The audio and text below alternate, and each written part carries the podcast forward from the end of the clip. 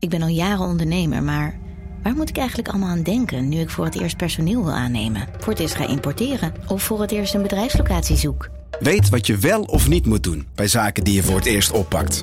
Check kvk.nl voor praktische stappenplannen. KVK, hou vast voor ondernemers. Al 125 jaar kwaliteit voor jou thuis met Miele. Dat vieren we met jou. Ontvang nu tijdelijk een cashback tot 125 euro op veel Miele-apparatuur. Geniet van de kwaliteit van Miele. Voor perfect verzorgd wasgoed en kleding die veel langer mooi blijft. Voor een stralend schone vaat, even perfect als jouw diners. En een stofvrij thuis waarin echt hygiënisch schoon de standaard is. Check miele.nl voor alle feestelijke aanbiedingen.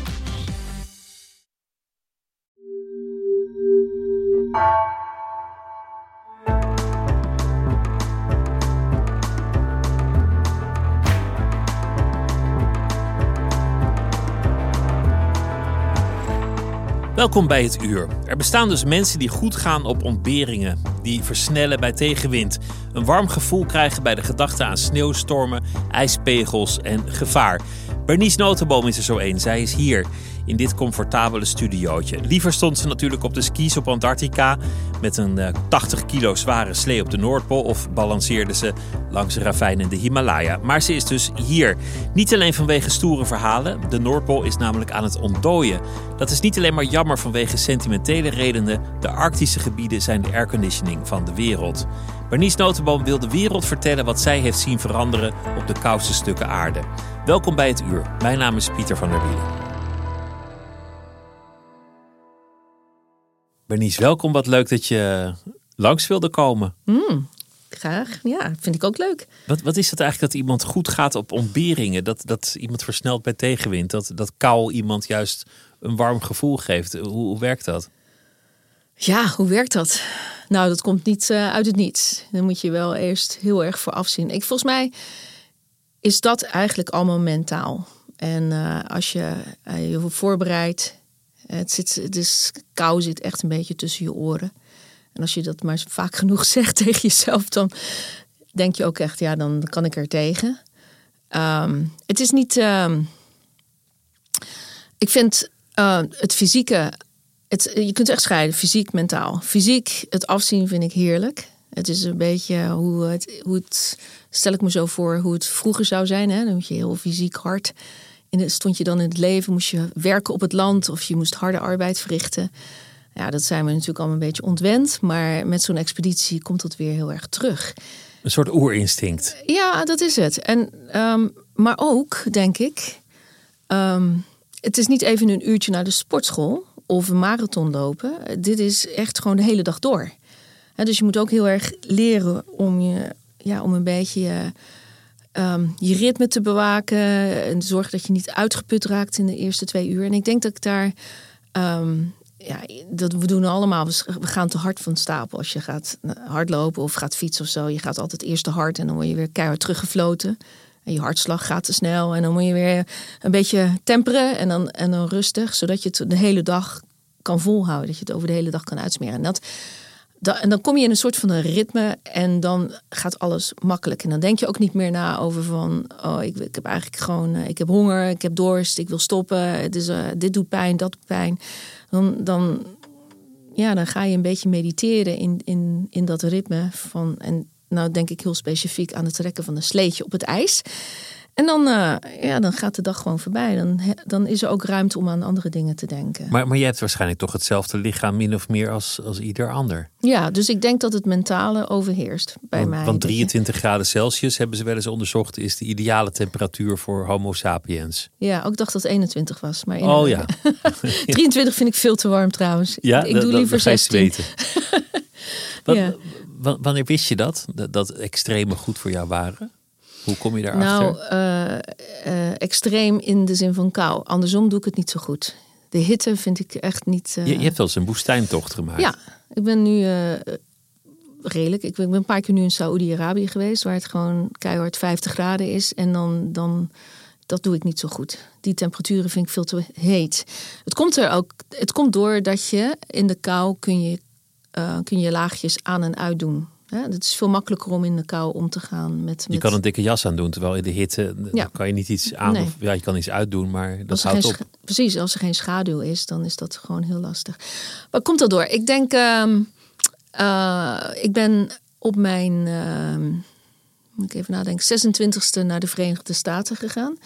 Om te studeren in eerste instantie. En tijdens, eh, eh, dat was twee jaar. En tijdens de grote zomervakantie dacht ik van, ehm, ik wil hier blijven om gewoon wat meer van het land te zien. En ik wil eigenlijk ook gewoon wel een zakcentje verdienen. En toen heb ik gesolliciteerd bij een organisatie, Outward Bound heet die, als berginstructeur. Nou, dat heb ik toen een tijdje gedaan in de Colorado Bergen. Dat was allemaal niet zo spannend, want eh, dat kende ik van mijn eh, tijd van klimmen in de Alpen. Maar toen zeiden ze van, zou je, niet, zou je het niet leuk vinden om dan naar zo'n woestijn te gaan en dan te kijken hoe het is om daar ehm, trips eh, te begeleiden.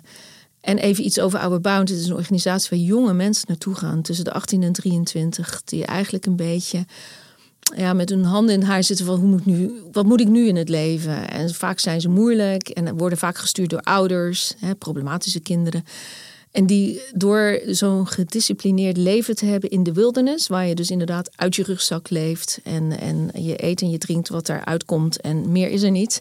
En kaart en kompas toen de tijd, hè, dat voor de tijd, daar heb ik het over 1988. Ehm, de- leren om zelfstandig te zijn, om op jezelf eh, te kunnen vertrouwen en, eh, en met een groep te kunnen samenwerken, et cetera. Allemaal van die hele belangrijke dingen. Nou, dat heb ik toen een tijdje gedaan in die woestijn, waar ik dus die groepen jongeren moest begeleiden. En nou ja, we hadden kaarten uit 1950, dus dan loop je letterlijk midden in de woestijn van Utah, in Amerika was dit. En dan, ehm, ja, dan, dan staat er dat hier water is. En dan is die waterbron gewoon opgedroogd. En dan heb je geen water. En dan is het 30 graden buiten en Oh, dan, heb je, dan heb je echt een probleem. dan heb je een probleem. Dan moet je echt op zoek naar, ja, waar is dan water en hoe gaan we dat doen? En dan ga je, en dan moet je allerlei, ehm, ja, dan moet je s'nachts gaan reizen.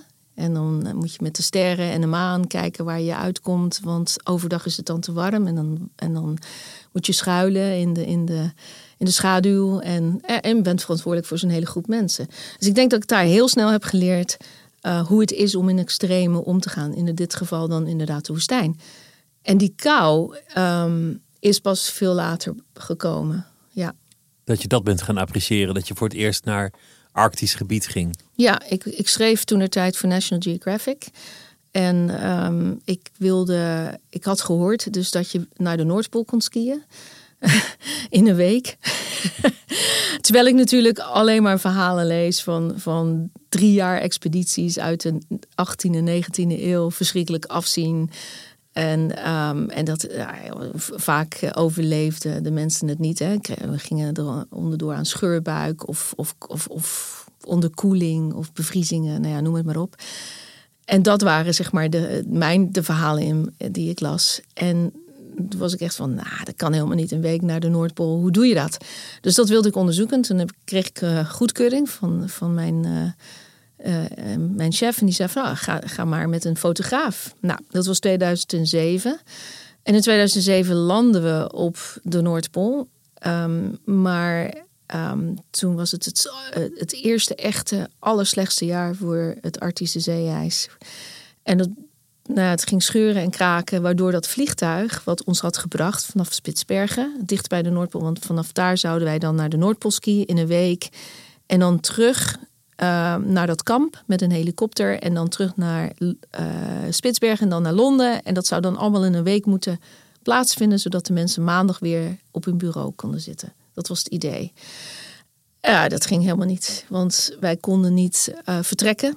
Eh, er was, het was slecht weer, het, het ijs kraakte en scheurde en botste op elkaar. En de wetenschappers waren boos, want die zaten er al drie weken. Maar voor mij als schrijver was dat gewoon totaal heaven. Want Een avontuur was het. dat niet alleen. Ik had al die wetenschappers die daar al een maand hadden gezeten en die eh, onderzoek hadden gedaan.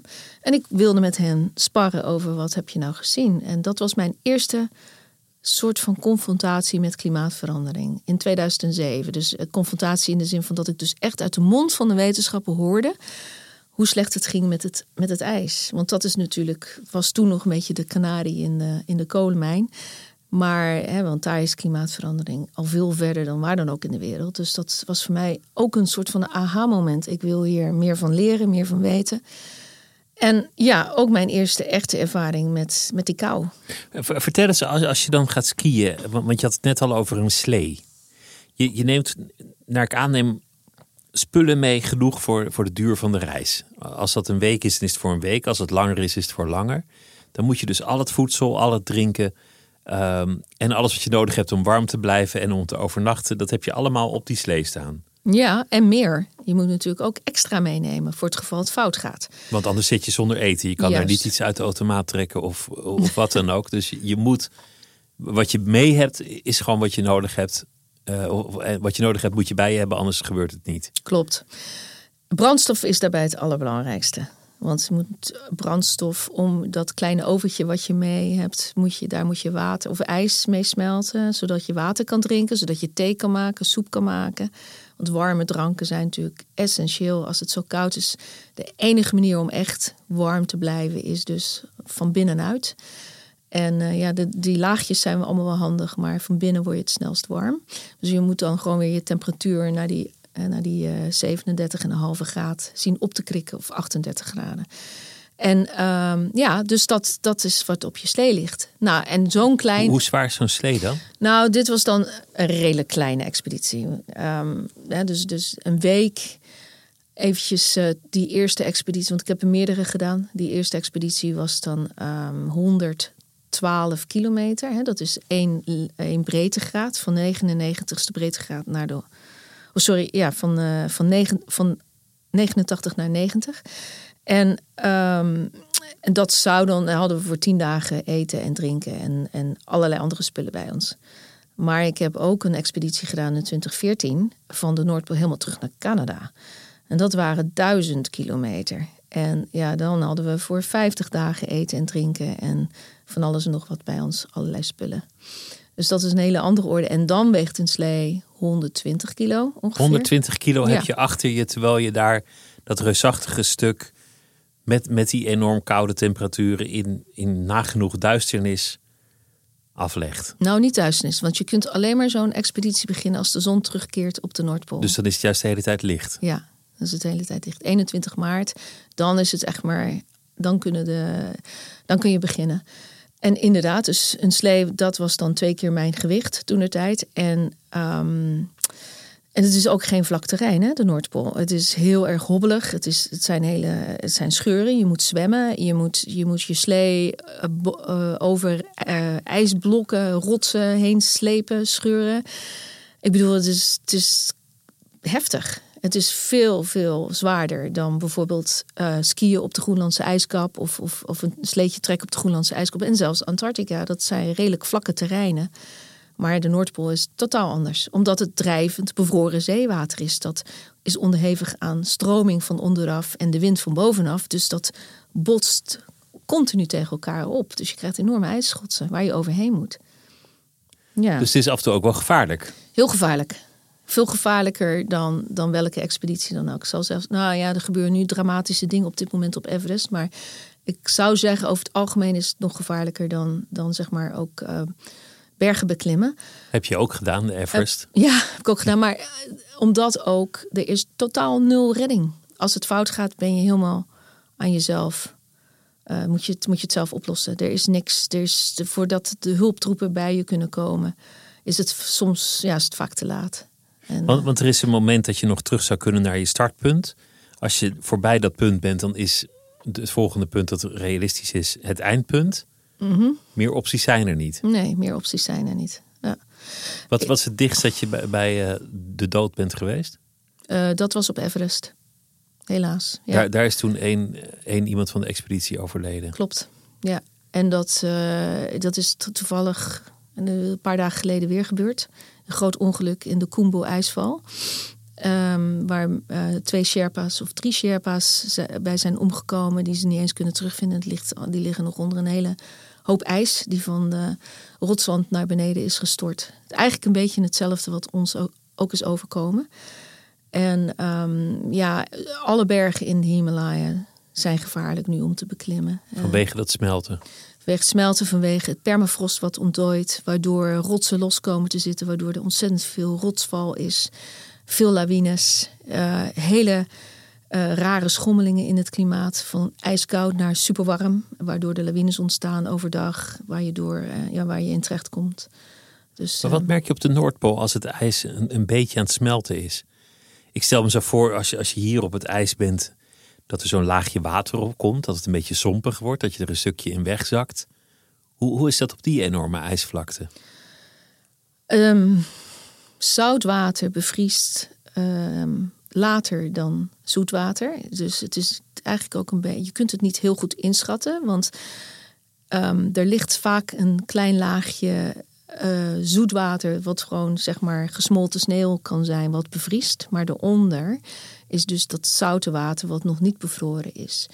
Dus je moet, uh, je, je moet eigenlijk altijd super voorzichtig zijn. Uh, als je er overheen. Nou, als je er bent, kijk je vaak naar de kleur. De kleur bepaalt of je wel of niet op het ijs gaat. Hoe donkerder de kleur, hoe gevaarlijker het is. Dat betekent dus echt dat het gewoon niet goed is. En dat kun je snel merken en zien door bijvoorbeeld met je skistok erdoor door te prikken. En als die er doorheen gaat, nou ja, dan is het. dan, moet je, dan moet je er niet op wagen. Mm, en in, de, en in de verte kun je vaak donkere plekken zien boven het ijs. En ehm, dat betekent dus ook dat er open water is. Dus met je navigatie het is niet altijd van bijvoorbeeld je gaat naar de Noordpool van Zuid naar Noord. Je neemt een rechte lijn. Zo, zo gaan die expedities helemaal niet. Je moet een beetje naar links, een beetje naar rechts. Je moet daar omheen. En soms kun je er niet omheen, dan moet je zwemmen. Ja, het is een, iedere, iedere kilometer kom je weer voor een verrassing te staan. En dan. Zo onberekenbaar is het inmiddels. Ja, en dan hoop je dus dat ehm, de nachten koud zijn. Dus dat het allemaal dicht kan vriezen. Want je kunt, ook al hebben wij gezegd, niet over één nacht ijs lopen. Dat kan een, op de Noordpool wel heel goed. Eén nacht ijs is goed genoeg om er overheen te gaan. En dat scheelt je natuurlijk weer heel veel tijd. Want je, moet het, je hebt ook nog een tijdsdruk. Je moet op een bepaald moment ergens zijn, zodat je er nog opgehaald kan worden door nou ja, vroeger waren dat de Russen die je dan kwamen halen met een helikopter. Of de Canadezen als je aan land komt, want die vliegen niet meer naar het zeeijs. Dus je hebt ook nog zeg maar ontzettende druk om in een bepaalde tijd die expeditie te kunnen doen. Want als je er niet bent, dan, dan is je kans voorbij. Ja, dan ben je overgeleverd dan weer bijvoorbeeld aan de reddingsbrigade van, van de Canadese kustwacht of de Russische. En dan moet je maar hopen dat ze komen halen. Dus ik, even gewoon om het ook een menselijke maat te geven. Ik ben de laatste poolreiziger geweest in 2014 die van de Noordpool naar Canada is geskiet. Het is daarna nooit meer gebeurd. Zou ik niet meer kunnen? Kan niet meer. Ehm, wij zijn allemaal afhankelijk toch van de Russen, die uh, goed zijn in het opzetten van de infrastructuur. Een drijvend ijsstation van waar je van Spitsberg in dit geval, want het is makkelijk voor ons Westelingen naartoe kan, om daar dan afgezet te worden op die 90ste of zeg maar op de Noordpool. En dan kun je of terugskiën naar Canada of terugskiën naar Rusland of wat je ook wil. Dat zijn zeg maar pure poolexpedities. Nou, dat is nu al vijf jaar niet meer voorgekomen. Want de Russen krijgen geen visa's van de Nooren, want Spitsbergen is Noors.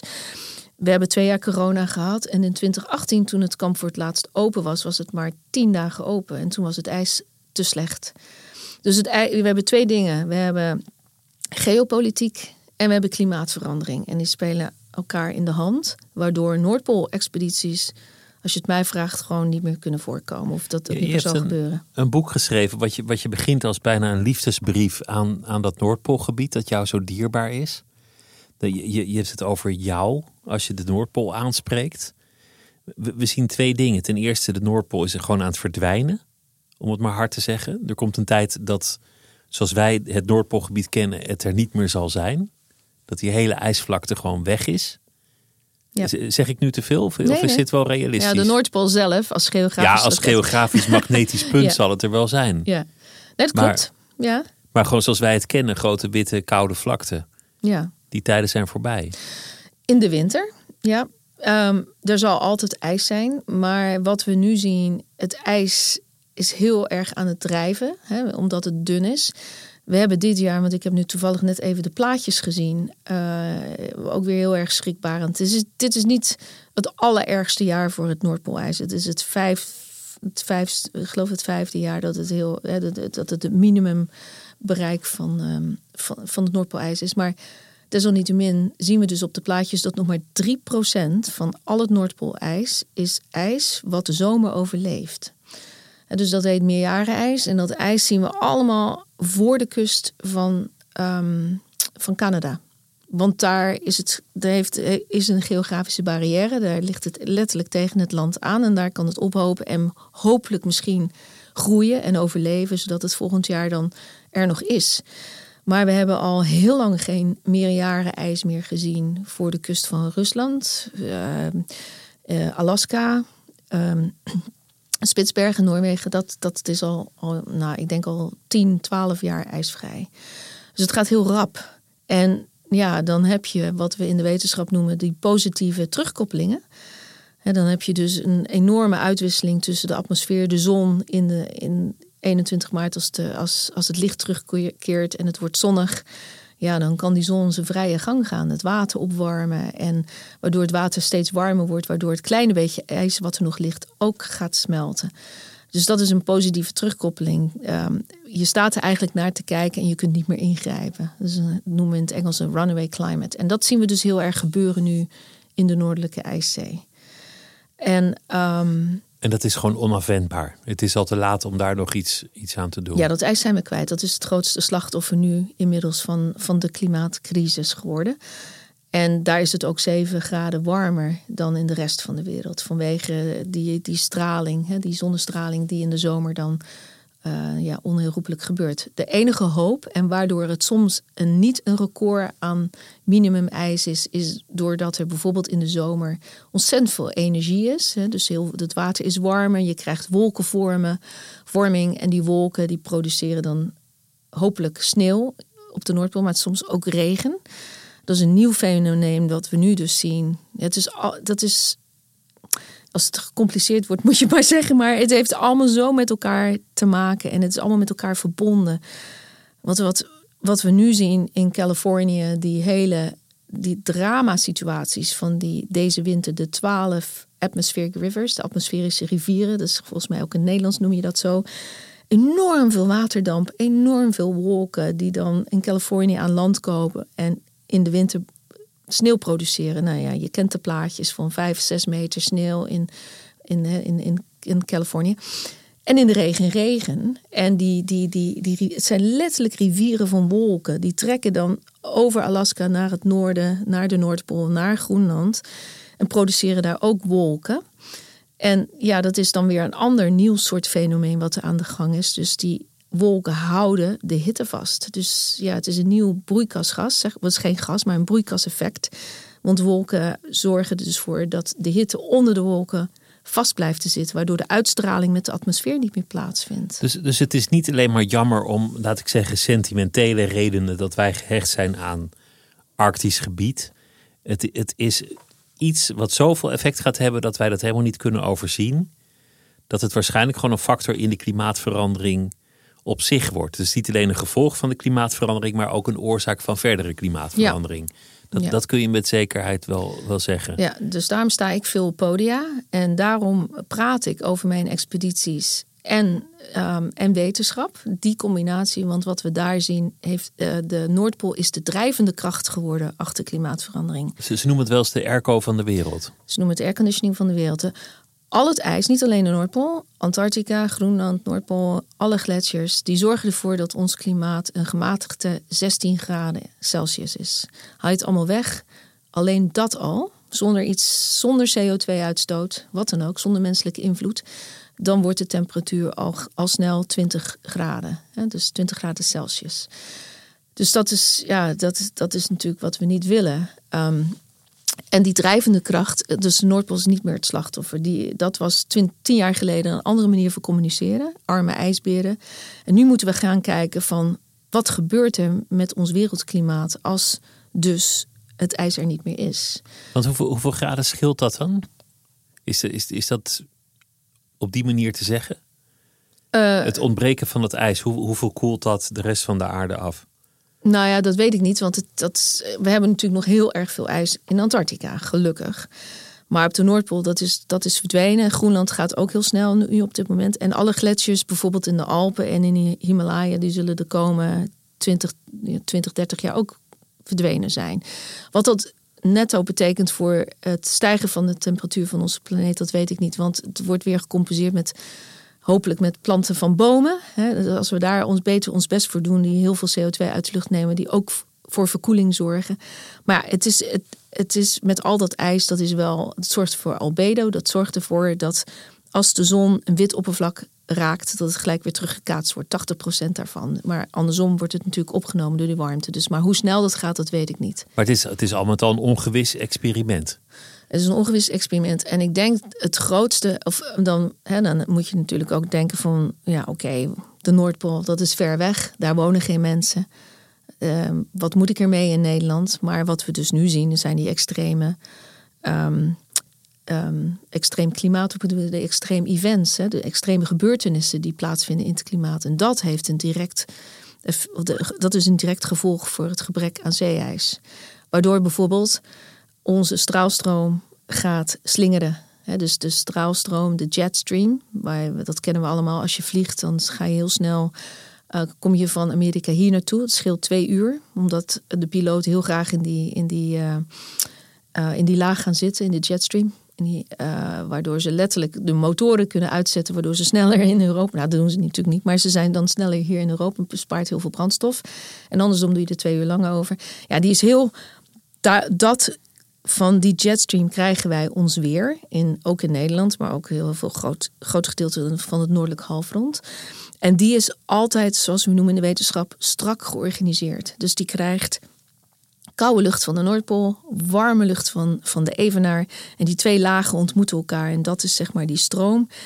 Um, nou, die, die koude lucht is niet meer zo koud. Die is wat warmer geworden um, door klimaatverandering op de Noordpool. En dus ja, daardoor is die stroom, straalstroom, uh, gaat die slingeren, gaat die af en toe komt die vast te liggen. En dat zijn dan die extreme weers uh, dingen die wij meemaken. Bijvoorbeeld 21 graden Celsius boven Groenland. Hoge luchtdrukgebied wat gewoon niet doorbroken kan worden. Of sneeuw in Florida. Of um, nou, extreme hitte in Spanje. Nou ja, noem maar op. We kennen ze allemaal. Ook in Nederland. Alles kan gebeuren. In, in de, de vroegste doemscenario's over klimaatverandering ging het over een soort nieuwe ijstijd. Ja. Dat was waarvoor gewaarschuwd werd juist 6 meter sneeuw en, en extreem koude temperaturen. Gaan we ook krijgen. Eerst gaat het natuurlijk heel koud worden als, als het ijs op Groenland, hè, wat een ijskap is bovenop land, als dat gaat smelten. Dan komt er heel erg veel koud water bovenop dat zout water te drijven, wat gaat bevriezen, wat een invloed en verandering zal teweeg zal brengen voor ons klimaat hier in Nederland. Dus het zal hier veel kouder worden en een nieuwe ijstijd zijn, tijdelijk. Waar die grens precies ligt, weten we niet, want het heeft dan weer een interactie met de golfstroom. Maar dat zal eerst gaan gebeuren voordat, het, voordat de zeespiegel gaat stijgen en voordat het heel erg warm gaat worden. En er was nog iets anders wat aan de hand was, dat zei je net al. De, alle geopolitieke strijd die vindt ook plaats op de Noordpool. Ja. En mensen willen er snel bij zijn, want ze denken waar geen ijs is, daar kan je misschien andere dingen vinden. Ja. Grondstoffen, brandstoffen, uh, ga maar door. Er is gewoon geld te verdienen. Ja. Hoe merkbaar is dat nu? Hoe, hoe ver is het gevorderd met, met het gevecht om de Noordpool? Er zijn officieel nu drie landen die de Noordpool claimen: uh, Rusland, Canada en um, uh, Denemarken via Groenland.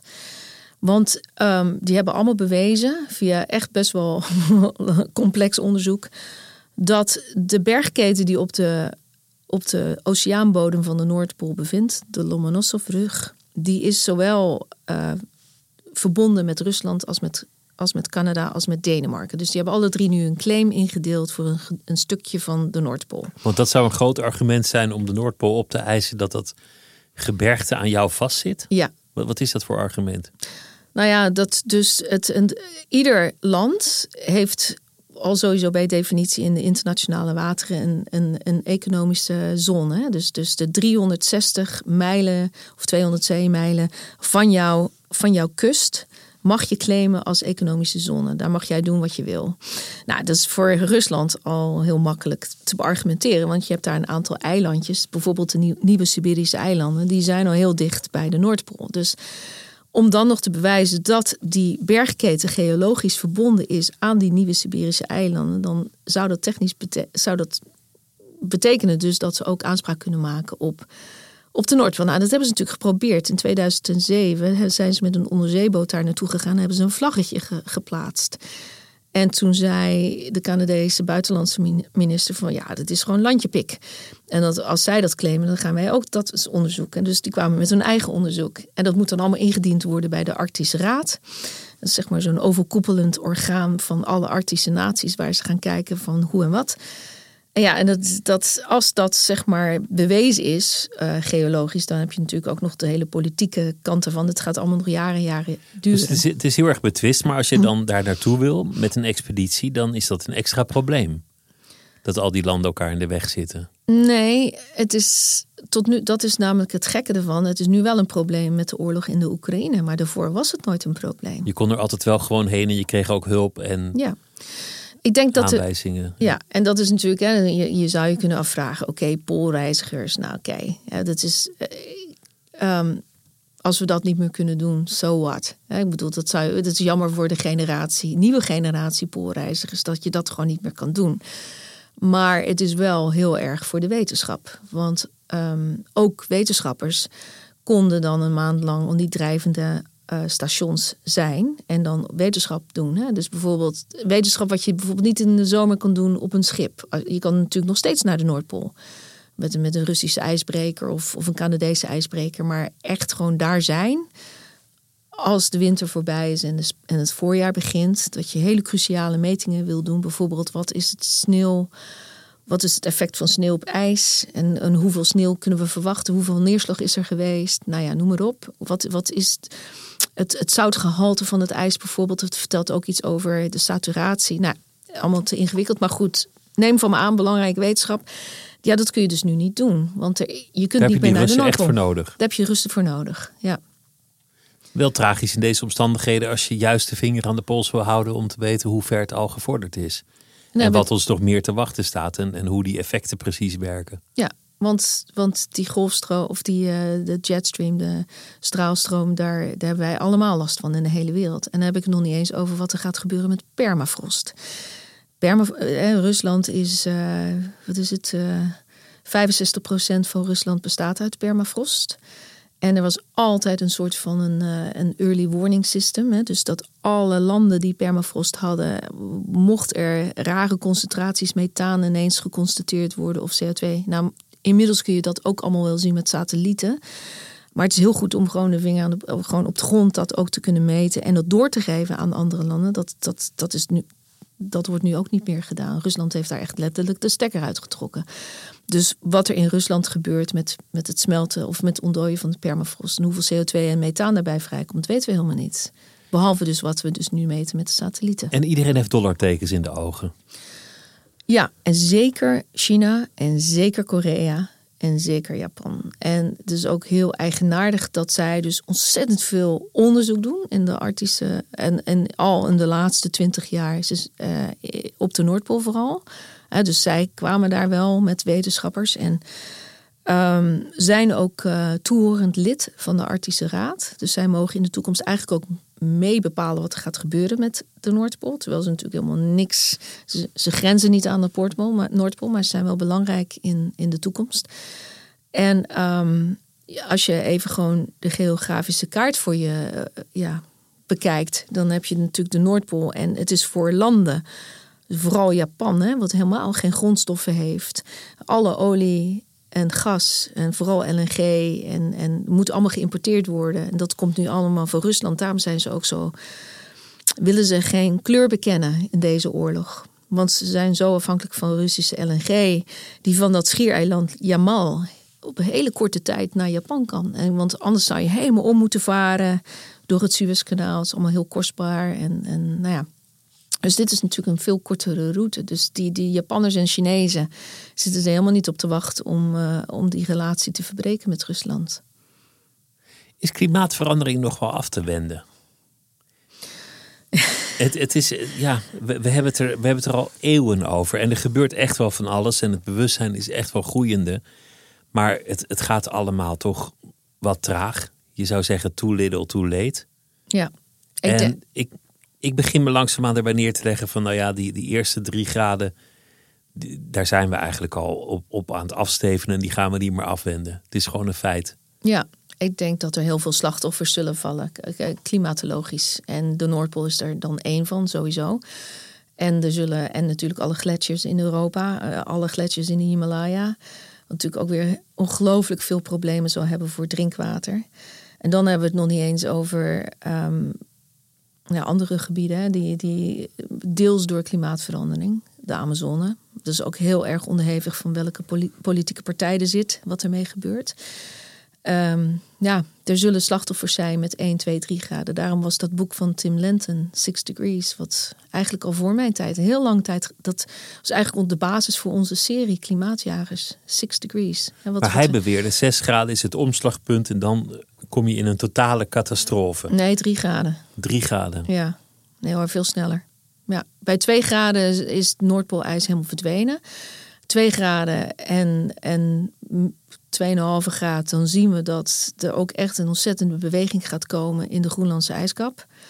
Dus dat, dat wat we nu meten is over het algemeen oppervlaktewater wat smelt op het ijs in de zomermaanden. Maar we weten eigenlijk nog niet eens, omdat het land ook heel erg groot is, wat er precies gebeurt met dat zoete water. Waar komt dat terecht in de oceaan? Hoe kunnen we precies meten hoe snel de zeespiegel gaat stijgen. Kijk, die, die zeespiegelstijging die gebeurt nu al. Hè. Het gaat over kleine millimeters. En het is natuurlijk in warme landen zoals de Indische Oceaan veel dramatischer. Omdat het een hele warme oceaan is, waardoor die eilandjes onder water komen te staan. En niks meer kunnen verbouwen. Zoals Tuvalu en Fiji. Uh, daar hebben ze alleen maar brakwater nu. Dus die, moeten, die mensen moeten verhuizen. Maar voor koude oceanen, zoals hier de Noordzee en de Atlantische Oceaan, dat, dat zal wel in eerste instantie meenemen. Het is ook niet evenredig waar die zeespiegel gaat stijgen. Het is niet overal hetzelfde. Het ziet er nou uit dat juist gebieden waar ze al arm zijn, het te verduren gaan krijgen. De sociale ongelijkheid is verschrikkelijk. En ik heb ooit in 20, 2011 ben ik uh, de Niger heb ik gekajakt, helemaal van Bamako door naar Timbuktu om te kijken wat er gebeurt als de monsoon niet meer komt. Want die mensen zijn 100% afhankelijk van de regentijd. En die leven precies op de grens waar het wel of niet.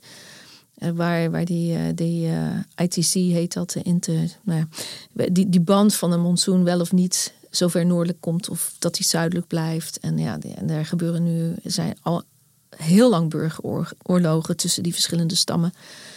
En ja, wat doen die mensen? Die kunnen niet zomaar hun boeltje pakken en ergens anders naartoe gaan. Dus ja, en in India eigenlijk hetzelfde soort grote probleem. Je, je, maakte een serie eerst over de scheepvaart, al, al wat jaartjes geleden. Ja. Nu heb je een serie gemaakt over de luchtvaart, eh, wat recenter. Wat, wat, ik, wat ik fijn vond in die serie is dat je meteen ook zegt: ik vlieg waarschijnlijk veel meer dan, dan de meeste kijkers. Ik heb, ik heb gewoon veel meer uh, in vliegtuigen gezeten. Mijn leven is afhankelijk van vliegtuigen. Dus, dus je, je, je preekt niet, je, je wijst niet met dat vingertje. Je maakt jezelf ook deel van dat probleem. Dat, dat vond ik gewoon meteen prettiger converseren. In plaats van iemand die op een soort spreekgestoelte gaat staan en uh, alles over mensen uitstort. We, doen, we hebben dit samen gedaan. Ja. De een wat meer dan de ander, dat is absoluut een feit. En je hebt die frequent flyers en je hebt de 1% met een veel grotere footprint dan anderen. Maar uiteindelijk is het onze levensstijl gezamenlijk waar we echt niet zo snel afscheid van willen nemen, die hiertoe leidt. Dat, dat is een conclusie die we kunnen, kunnen trekken. Maar, maar ik vroeg me toch ook af van hoe zie jij een verandering voor je? In het vliegen? In bijvoorbeeld vliegen. Ja. Nou, het vliegen is, vind ik heel interessant, omdat ehm, de film is opgehangen aan dilemma's. En dat is, het is, dat is het eigenlijk ook. Van wat heb je ervoor over? En Um, inmiddels ben ik er wel van overtuigd, als we het vliegprobleem niet kunnen oplossen, dan kunnen we volgens mij ook het hele grote klimaatprobleem lastig oplossen. Want het is een soort kanarie in de kolenmijn van het, van het oplossen. Ja, het is heel symbolisch van hoe we ermee omgaan. En, uh, um, en tegelijkertijd is het oerlastig. Want ik wil ook niet uh, promoten dat we nooit meer vliegen. Maar het zou misschien zomaar kunnen dat we even de komende zeven jaar niet meer moeten vliegen. Zodat we precies weten wat de toekomst van, van duurzame luchtvaart zou kunnen zijn. Even zeven jaar helemaal niet vliegen. Ja, dat zijn de jaren. Ja. dat is wel een heel realistisch. Zoveel jaar hebben we nodig om de enorme opschaling te kunnen creëren om voor duurzame brandstoffen bijvoorbeeld. En um, ja, de, de, als je de film ziet, het zit natuurlijk vol met sobere gedachten. Van, van als we alle duurzame brandstoffen nu zouden gebruiken, dan zijn alle vliegtuigen in de wereldvloot is dan precies 11 minuten kunnen we vliegen en dan is het op. Dus de schaal waarop we nu dat toepassen is zo klein. En wat is er dan voor nodig en hoe gaan we dat doen? En, maar ja, tegelijkertijd zien we ook in, in ons gedrag. Dus in 2019 eh, was het absolute record van vlieggedrag. Nou, dat zijn we nu al lang voorbij. Het is ook, het is ook dramatisch goedkoop. Uh, nee, dat is het niet. Het is, uh, de, de goedkope tickets zijn zijn maar een paar per vliegtuig en daar wordt mee geadverteerd. Maar mensen zijn hoe dan ook nog steeds bereid om veel meer geld te betalen. Het vliegen bijvoorbeeld intercontinentaal of naar Azië. Azië is, is helemaal niet goedkoop. Dat zijn weer de prijzen van uh, nou, zeg maar 20, 25 jaar geleden. Um, je kunt niet meer voor uh, eh, 300 euro naar New York. Dat, dat gaat echt niet. Dus Ehm, maar dat maakt niet uit. Mensen vinden dat ze recht hebben op vliegen. En, dat ze, en misschien is het, hopelijk is het nog een beetje een inhaalslag van corona. Dat we toch weer een soort van een. Dat we teruggaan naar een soort van nou, een, een ander niveau. Maar voorlopig zien we dus dat mensen echt gewoon heel veel en, en vaak willen vliegen. Ja. Wat, wat mij heeft gechoqueerd, en dat is al echt heel veel jaar geleden, is dat, dat ik mensen ken, wetenschappers, serieuze wetenschappers, die werkten aan effectievere vliegtuigen. Eh, belangrijke innovaties, bijvoorbeeld lichtere materialen, een, een iets andere vorm van de vleugel. En dat hij zei: het is ontzettend moeilijk om geld te krijgen voor prototypes en verder onderzoek. De interesse is, zeer gering. En dat, dat is verbazingwekkend. Ja, volgens mij met het, het, het, het efficiënt maken van het vliegtuig zelf, dus hebben we, eh, nou ja, dat zeggen ook, dat, dat dat werd mij ook verteld door, uh, door Airbus en Boeing en door al die andere wetenschappers. Daar hebben we echt het maximale bereikt. Het, we kunnen een, een vliegtuig. Het is uitontwikkeld. Ja, een vliegtuig bestaat al uit carbon. De Dreamliner is al, nou, ik denk als misschien 50% meer efficiënter en zuiniger dan zeg maar bijvoorbeeld een 7, 747 van vroeger, de Jumbo Jet. Um, dus daar kunnen we niks meer doen. Ik, zelfs, ik, ik las, uh, want ik ben nu een heel interessant boek hierover aan het lezen. Ik las echt dat ook zelfs de In-Flight Magazine gehalveerd is om, om, om gewoon uh, gewicht te besparen in het vliegtuig.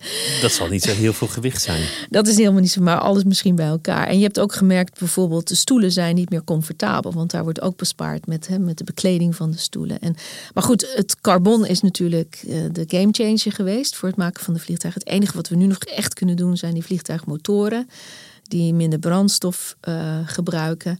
Maar hoe dan ook, met welke vorm we ook verder gaan met vliegen, het zal een totaal ander vliegtuig moeten gaan worden. dus uh, de Flying V is natuurlijk ontwikkeld hier bij de TU Delft. Er, zijn, is een Flying Wheel. Er zijn allerlei nieuwe soorten modellen die opkomen draven. Maar ja, dan dat, dat zijn nog steeds, we gebruiken nog steeds kerosine, jetfuel. En we gebruiken nog of misschien een vorm van biobrandstof, of misschien hybride of synthetisch. Waterstof vergt een totaal andere invulling van een vliegtuig. En dat, dat gaan we voorlopig gewoon niet zien. Dus daarom zeg ik, zeven jaar niet vliegen zou, zou heel verstandig zijn nu. Totdat we echt weten hoe we straks verder kunnen vliegen. Maar ik ben wel weer hoopvol, want in, in Amerika zijn ze echt veel verder nu um, met elektrisch vliegen. Niet, niet heel kleinschalig, kleine vliegtuigjes, maar ze zijn daar heel erg bezig met het ontwikkelen van batterijen die veel energie kunnen dragen en die veel lichter zijn. Als dat natuurlijk die combinatie, als, als dat kan, dan zouden we misschien ook in de toekomst met veel meer mensen in, uh, in grotere vliegtuigen kunnen vliegen elektrisch. Dus je bent, je bent toch wel optimistisch? Nou, ik zie als je kijkt naar de geschiedenis van de luchtvaart, want dat is natuurlijk ook heel interessant. Als we kijken hoe, we, hoe ver we waren hè, toen we, nou ja, met, met na de Tweede Wereldoorlog en tot nu, dan is er geen enkele industrie die zoveel, uh, zo snel is gegaan in de ontwikkelingen. Ik bedoel, eh, dat is gigantisch wat we allemaal hebben gezien. En maar geldt dat niet voor de mensheid als geheel? Dat als de nood echt aan de man is, en dat is die inmiddels wel, dat er dan veel meer mogelijk is dan je zou denken? Ja, maar luchtvaart vindt altijd weer een excuus om dat niet te hoeven. En dat is en hetzelfde met scheepvaart. Daar hebben we ook Seablind gemaakt. Dat speelt zich af ver op de oceanen, want dat zien we dus niet. Daar hebben we niks mee te maken. En wat niet weet, wat niet deert. Dat is natuurlijk onzin. Scheepvaart moet ook aan de bak. En het zijn twee industrieën die niet onder het, het Parijsakkoord vallen. Hè, omdat het eh, te lastig is, omdat het mondiaal is. En hoe meet je die CO2-uitstoot van de vliegtuig wat vertrekt vanuit New York via Amsterdam, een tussenlanding maakt en doorgaat naar India. Waar doe je de carbon credit, of de carbon counting, de carbon counting? En datzelfde geldt ook een beetje met, met scheepvaart. Je vaart onder een vlag, het schip heeft een bemanning uit een land X en nou ja, noem maar op. Voor je het weet heb je twaalf landen. Dus je kunt ook niet meer echt één land verantwoordelijk houden of stellen voor de, de CO2-uitstoot. En dus die twee landen of die twee takken van sport, scheepvaart, luchtvaart, moeten het zelf gaan oplossen met hun eigen organisaties. En, ehm, en daar ligt volgens mij de pijn. We zien dus eh, heel veel uh, industrieën die wel verduurzamen. Ik bedoel zelfs een Tata Steel. ik bedoel, we zien, we zien echt stappen gemaakt worden. Dus dan is het argument straks dat als luchtvaart zo door blijft gaan en wij blijven allemaal gewoon vliegen, ja, dan is luchtvaart verantwoordelijk voor 19% van de totale mondiale CO2-uitstoot. En dan wordt het ineens een van de grootste vervuilers ter wereld. En dat, dat is iets dat ze zouden voelen als het zo is. Absoluut. En ook omdat de groei überhaupt niet in Nederland, of ik bedoel in Europa en in Amerika plaatsvindt. De groei van luchtvaart is in Azië, is in India. En China. En China, ja. Wat, wat, wat vind je van, van de felheid van het klimaatdebat in Nederland? Extinction Rebellion. En, en mensen die zich vastlijmen aan schilderijen. Bij, bij mij wekte het irritatie op de een of andere manier. Bij jou wekte irritatie? Ja, omdat ik, dat ik dacht, ja, zo'n kunstwerk, dat heeft er niet zoveel mee te maken. Ja, ja. Je, je, raakt dan erfgoed, je gaat daar toch heel onvoorzichtig mee om. Ja. Als je weet hoe voorzichtig die conservatoren zijn met zo'n doek. Om dan te zeggen, ja, ik heb gegoogeld, er zit toch glas tussen, hop, ketchup erop. Dat, het, het, het wekt meer irritatie dan dat ik dacht, wat goed dat je dit nou doet. Ja. Ze, ze, kregen ook heel veel applaus, tot, tot mijn verwondering. Ja. Ik, ja, ik begrijp dat. Dat heb ik zelf ook. Ik vind ook tegenwoordig dat het te veel is. Dus er zijn te veel acties waardoor ik denk dat. Um, waardoor mensen die irritatiefactor alleen maar versterkt wordt. Je kunt volgens mij veel doeltreffender minder acties doen die dan heel. De, ja, waar, waar, waarvoor, waar, ja, waardoor je echt zeg maar de aandacht krijgt. Maar nu wordt het, het een beetje overdone, vind ik. Wij hebben zelf ook met Extinction Rebellion te maken gehad. Um, de vooravond van toen de acties. Was het de vooravond? Nou, maar, ik weet niet, maar goed, ergens in dezelfde periode dat ze zich ook uh, gingen vastketenen aan privévliegtuigen op Schiphol. Hadden wij een screening van Sky van onze film in Pakhuis de Zwijger. Maar we hadden een debat aangekoppeld. En het was heel. Ah, ik vond het heel tof. Uh, de KLM kwam, Schiphol kwam nou, een paar andere uh, mensen uit de luchtvaartindustrie, dus TU Delft en een compensatieprogramma. Dus we hadden een hele, we hadden na de film hadden wij een debat. En daar zaten dus ook mensen in de zaal van Extinction Rebellion. En de film was nog niet afgelopen. De aftiteling was nog aan de gang. En er stonden op met bordjes greenwashing. It's all a lie. Weet je wel, gewoon eh, eh niet, niet schreeuwend of verder. In dat opzicht was het, was het heel vredig. Maar wel een soort van, je kon er niet omheen. En toen moesten wij nog aan dat debat beginnen. Dus iedere keer als iemand iets um, als van de KLM zei of van Schiphol, dan kwam zo'n bordje naar boven. En dan kun je twee dingen doen. Je kunt ze. Um, nou, dus eigenlijk wilden ze helemaal niet meer in gesprek met die mensen. Nee, het was, dat werkte natuurlijk heel veel irritatie op. Maar ook bij het publiek. Want wij kwamen daar echt oprecht om te horen hoe de KLM erover dacht. En als reactie op de film. En en Schiphol, nou ja, noem maar op. En de verkeersluchtleiders. We wilden echt weten van de industrie zelf. En zo was ook het debat opgezet. Om van, nou, we gaan met elkaar in gesprek. Ik ben er wel van, oh, ik, ik geloof echt dat dat de enige oplossing is. De enige manier om verder te komen. Dat je die mensen nog nodig hebt. Dat je met die mensen in gesprek moet natuurlijk, blijven. Ja, want anders krijg je echt zo'n angstcultuur. En dan gaan ze hun ding doen. En dan willen ze niks meer doen aan, aan, aan verduurzamen. Omdat ze er toch op worden afgerekend. En dat creëerde je een beetje in die zaal. En op een gegeven moment gebeurde iets wonderlijks. Dat de, de, de, dame van de, de dame duurzaamheid van de KLM, die sprak Extinction Rebellion persoonlijk toe. Op een persoonlijk niveau. Zo van uh, dat ze zelf ook. Dat zij uh, zelf ook mee zat dat ze voor de KLM werkte, weet je wel. En dat ze, dus, en dat ze zelf ook niet meer vliegt. En dat ze op verjaardagen er ook op werd afgerekend. En dat, het was zo kwetsbaar en zo eerlijk dat het weer heel erg mooi werd. En toen, nou, het was alles rustig en toen konden we ons gesprek verder gaan. Dus soms is, is een beetje die, die, die, die, die acties zijn soms wel nodig om daar te kunnen komen. Maar ik, ja, ik ben er ook niet helemaal mee eens wat ze de A2 vast. Um... Ja, van een privévliegtuig of de A2 kan je nog zeggen dat heeft verband met klimaatverandering. Het meisje van Vermeer kan er ook niet zoveel aan doen. Nee, dat klopt. Ja, het is olieverf. Maar ja. dat is, ik bedoel, dat, dat vind ik in die zin een andere actie. En ik, ik weet ook niet of je met diplomatie en zacht overleg alleen veel, veel teweeg zult brengen. Nee, het is natuurlijk wel een signaal dat de generatie, de twintiger, de 18, 20-jarigen, zich gewoon niet gehoord voelen. En dat, dat vind ik wel belangrijk. Zie, zie jij nog optimisme? Want je noemde net al een beetje iets van nou, het is een innovatieve industrie. En als het, als het nodig is, kunnen mensen heel veel. Maar al met al is er eigenlijk niet zo heel veel reden voor optimisme. Nou, dan kom je bij een heel ander vraagstuk. Zoals je weet ben ik ook uh, nu een aantal keren in Saoedi-Arabië geweest bij NEOM. En um, dat was uh, nooit de bedoeling geweest, maar toevallig ben ik, kwam ik daar terecht. Maar het heeft wel een beetje mijn ogen geopend. Dus als je gewoon wel mensen aan um, kan, als je talent naar een plek toe haalt, je geeft ze de opdracht van zoek het uit. We gaan je niet tegenhouden, er zijn geen, we gaan niet polderen, er zijn geen eindeloze vergaderingen. Ik wil gewoon, hier ben jij goed in, in gespecialiseerd. Um, en dit hebben wij nodig om deze klimaatcrisis op te lossen. En dan mag je aan de gang. En want, want Neon is een soort experimenteel gebied ja. waarin wordt gewerkt aan een klimaatneutrale samenleving. Klopt. Het ligt gefinancierd uit oliegeld, grappig genoeg. Nou ja, ja, ja, klopt. Ja.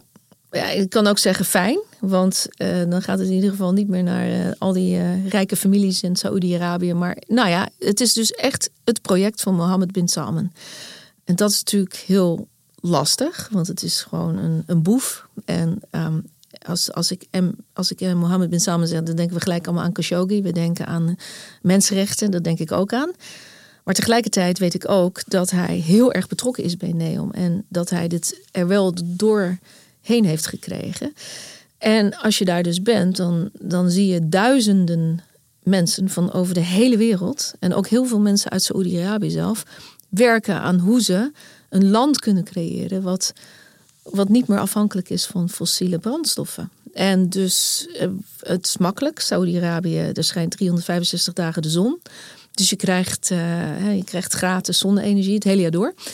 En wind, want aan het Suez, of ik bedoel aan de golf van Aqaba en aan de Rode Zee waait de wind, eh, thermische winden, dus s'nachts waait de wind. Die kun je vangen en overdag schijnt de zon. Dus het, is, het complementeert elkaar. En de, en de plannen zijn gigantisch. Ze, gaan, ze hebben een hele elektriciteitsnetwerk, zijn ze nu aan het aanleggen. De grootte van ongeveer Australië. Zoveel elektriciteit moet opgewekt worden. En alles wat extra is, wordt, uh, wordt ingezet voor het maken van groene waterstof, wat weer geëxporteerd gaat worden naar ons. Dus, um, dus de, de, dat is een havengebied, dat ligt aan het Suezkanaal. Nou ja, dat is heel makkelijk om dan naar Rotterdam te varen of naar Griekenland of waar dan ook.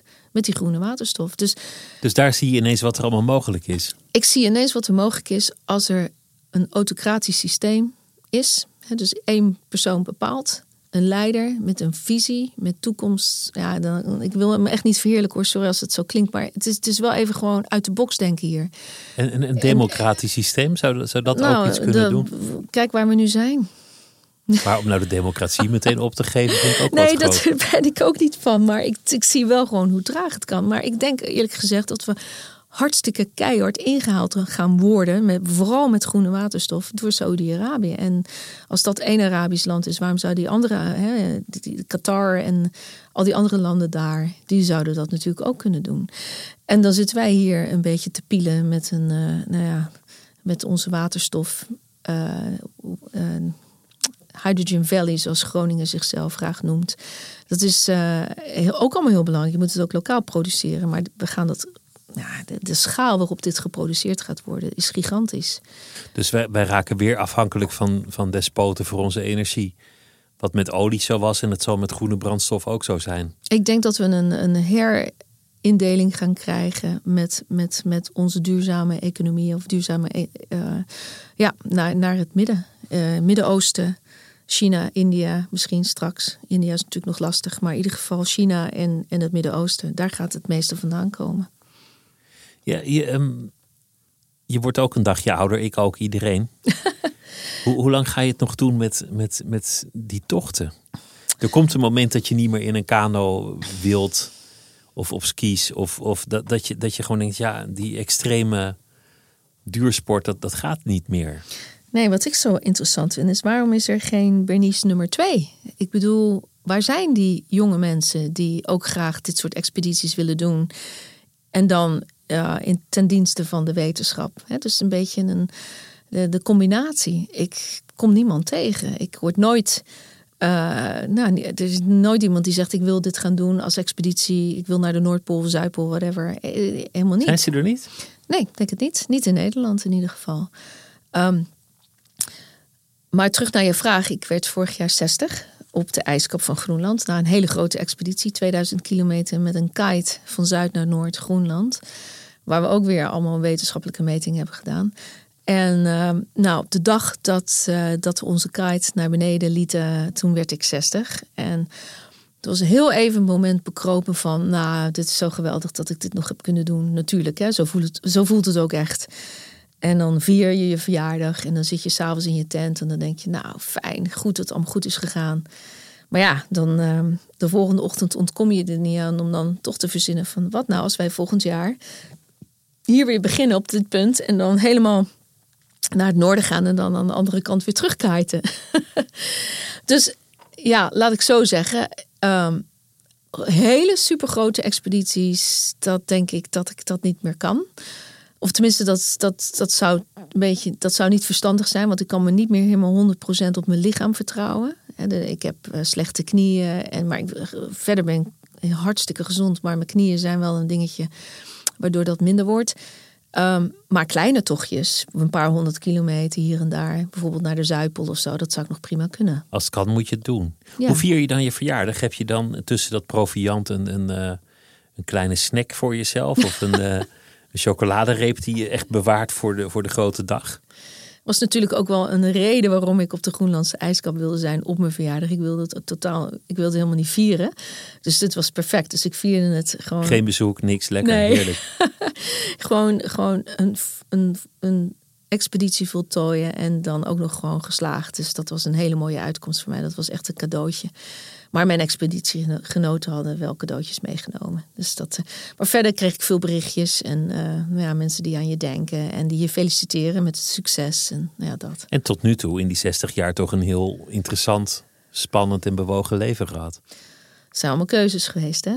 Iedereen kan het. Het zijn, uh, ja, ik, het, ik, heb, ik ben heel erg blij en bevoorrecht dat ik ook het mijn werk heb kunnen maken. En, uh, en dat had ik denk ik niet in Nederland alleen gekund. Het, was echt wel de combinatie van in Amerika wonen en voor een goed tijdschrift schrijven en voor radio werken en televisie en ja, de combinatie van alles. Ja. Dankjewel dat je langs wilde komen. Het was een, uh, een groot plezier om met je te praten. Dank. Mm, dankjewel. En dat was het uur voor deze week. Volgende week zijn we er weer. Het uur wordt gemaakt door Mira Zeehandelaar, productie Claire van der Woude en de chef van de audioredactie is Anne Moraal. Tot volgende week.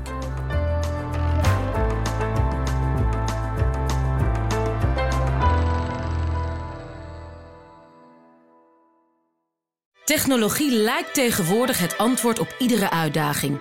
Bij PwC zien we dit anders.